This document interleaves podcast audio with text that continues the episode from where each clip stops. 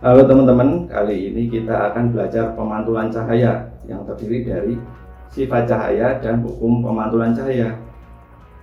Langsung saja kita mulai pembelajarannya.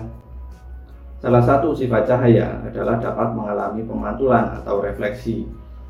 Sifat pemantulan cahaya ini bergantung pada jenis permukaan yang dijatuhi oleh cahaya itu sendiri. Pada permukaan yang licin dan mengkilap, cahaya akan mengalami pemantulan teratur Sedangkan pada permukaan yang kasar, cahaya akan mengalami pemantulan difus atau bias. Berdasarkan percobaan yang dilakukan oleh Snellius, hukum pemantulan cahaya dinyatakan sebagai berikut. Sinar datang, garis normal, dan sinar pantul terletak pada satu bidang datar. Sudut datang sama besar dengan sudut pantul. Nah, fisika asikan. Sampai jumpa di pembelajaran selanjutnya ya teman-teman.